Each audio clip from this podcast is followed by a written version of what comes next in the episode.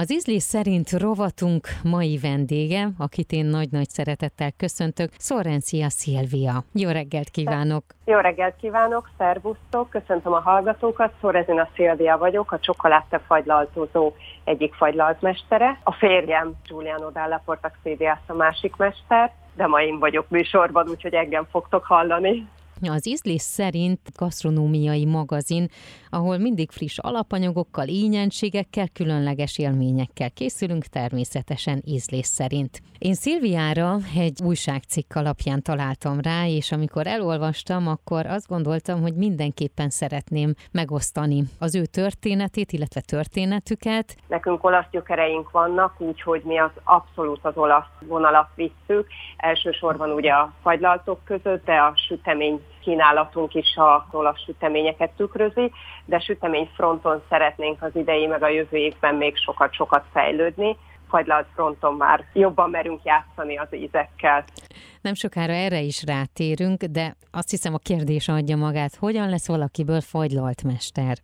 Hát ez egy érdekes történet, sosem gondoltuk volna, hogy, hogy eljutunk idáig. 2016-ban nyitottuk meg a kis fagylaltozónkat, akkor még csak mint fagylaltozóban gondolkoztunk, de úgy hozta az élet, hogy egy válaszút elé kerültünk a nyitás után két évvel. El kellett gondolkoznunk, hogy bezárjuk a fagylaltozónkat, vagy keresünk egy beszállítót, aki a ízlés világunk alapján készít fagylaltot vagy a harmadik, amit, amit mi választottunk, hogy fejest ugrunk ebbe a történetbe, és mi magunk fogjuk megtanulni ezt a szakmát.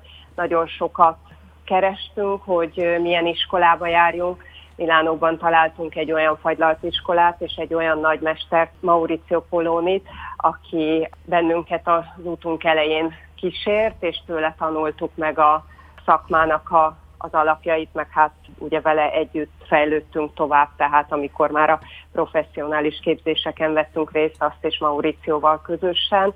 Azért választottuk őt, mert nagyon sok fagylaltiskola létezik, főleg Olaszországban, de a világon, mert nem szerettünk volna egy egy pár hetes képzésen részt venni, és akár elköteleződni mondjuk alapanyaggyártóknak a termékeihez, hanem rögtön megfogott bennünket az ő iskolájuk, amikor beléptünk, hiszen egy úgymond egy konyhába érkeztünk be, és az nagyon tetszett, hogy a, a munkapulton főzőlapok voltak, edényeket láttunk, és tényleg amikor elkezdtük a gyakorlati órákat, mert a, az elmélet az eleje az egy kémiai tanulmány, meg nagyon-nagyon sok mindent kell elsajátítani ahhoz, hogy utána megfogjuk a lábost és beletegyük a főznivalókat, de azt teszed meg igen leginkább, hogy kicsit a konyhát teszi bele a fagylaltba. Tehát, hogy tényleg ez egy, ez egy főzési folyamat, és nem aromákat használunk, vagy nem félkész alapanyagokat, hanem igenis megfőzzük a karamelt a karamellfagyinkhoz, ami nem egy nagyon nehéz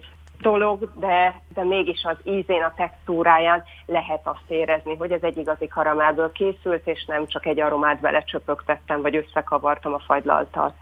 Említetted a konyhát és a főzést, és közben nekem az jutott eszembe, hogy a fagylalt készítésre is talán igaz az a szabály, hogyha jó alapanyagokból dolgozunk, és friss alapanyagokból, akkor jó fagylalt fog belőle születni. Ez így igaz?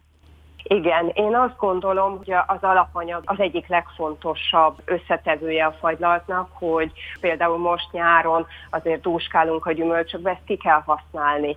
Teljesen más friss gyümölcsből készíteni a fagylaltot, szezonalitásnak megfelelően. Úgy gondolom a másik az, az a technológia, ahogy készíti az ember. Hogy mi minden fagylaltot a saját receptúránk alapján nulláról építjük fel. Tehát az a technika, amivel készíti, az a másik legfontosabb egy fagylalt szempontjából, illetve szerintem a harmadik, ami haba tortán, az az embernek a kreativitása, az, hogy hogy mer játszani az ízekkel, hogy mer játszani az alapanyagokkal, a fűszerekkel, textúrákkal, az ízeknek a kombinációjával. Maradjunk akkor ezeknél a kísérletezős dolgoknál és ennél a vonalnál. Mik azok, amiket kitaláltatok idénre? Minden évben vannak olyanok, amik újdonságok.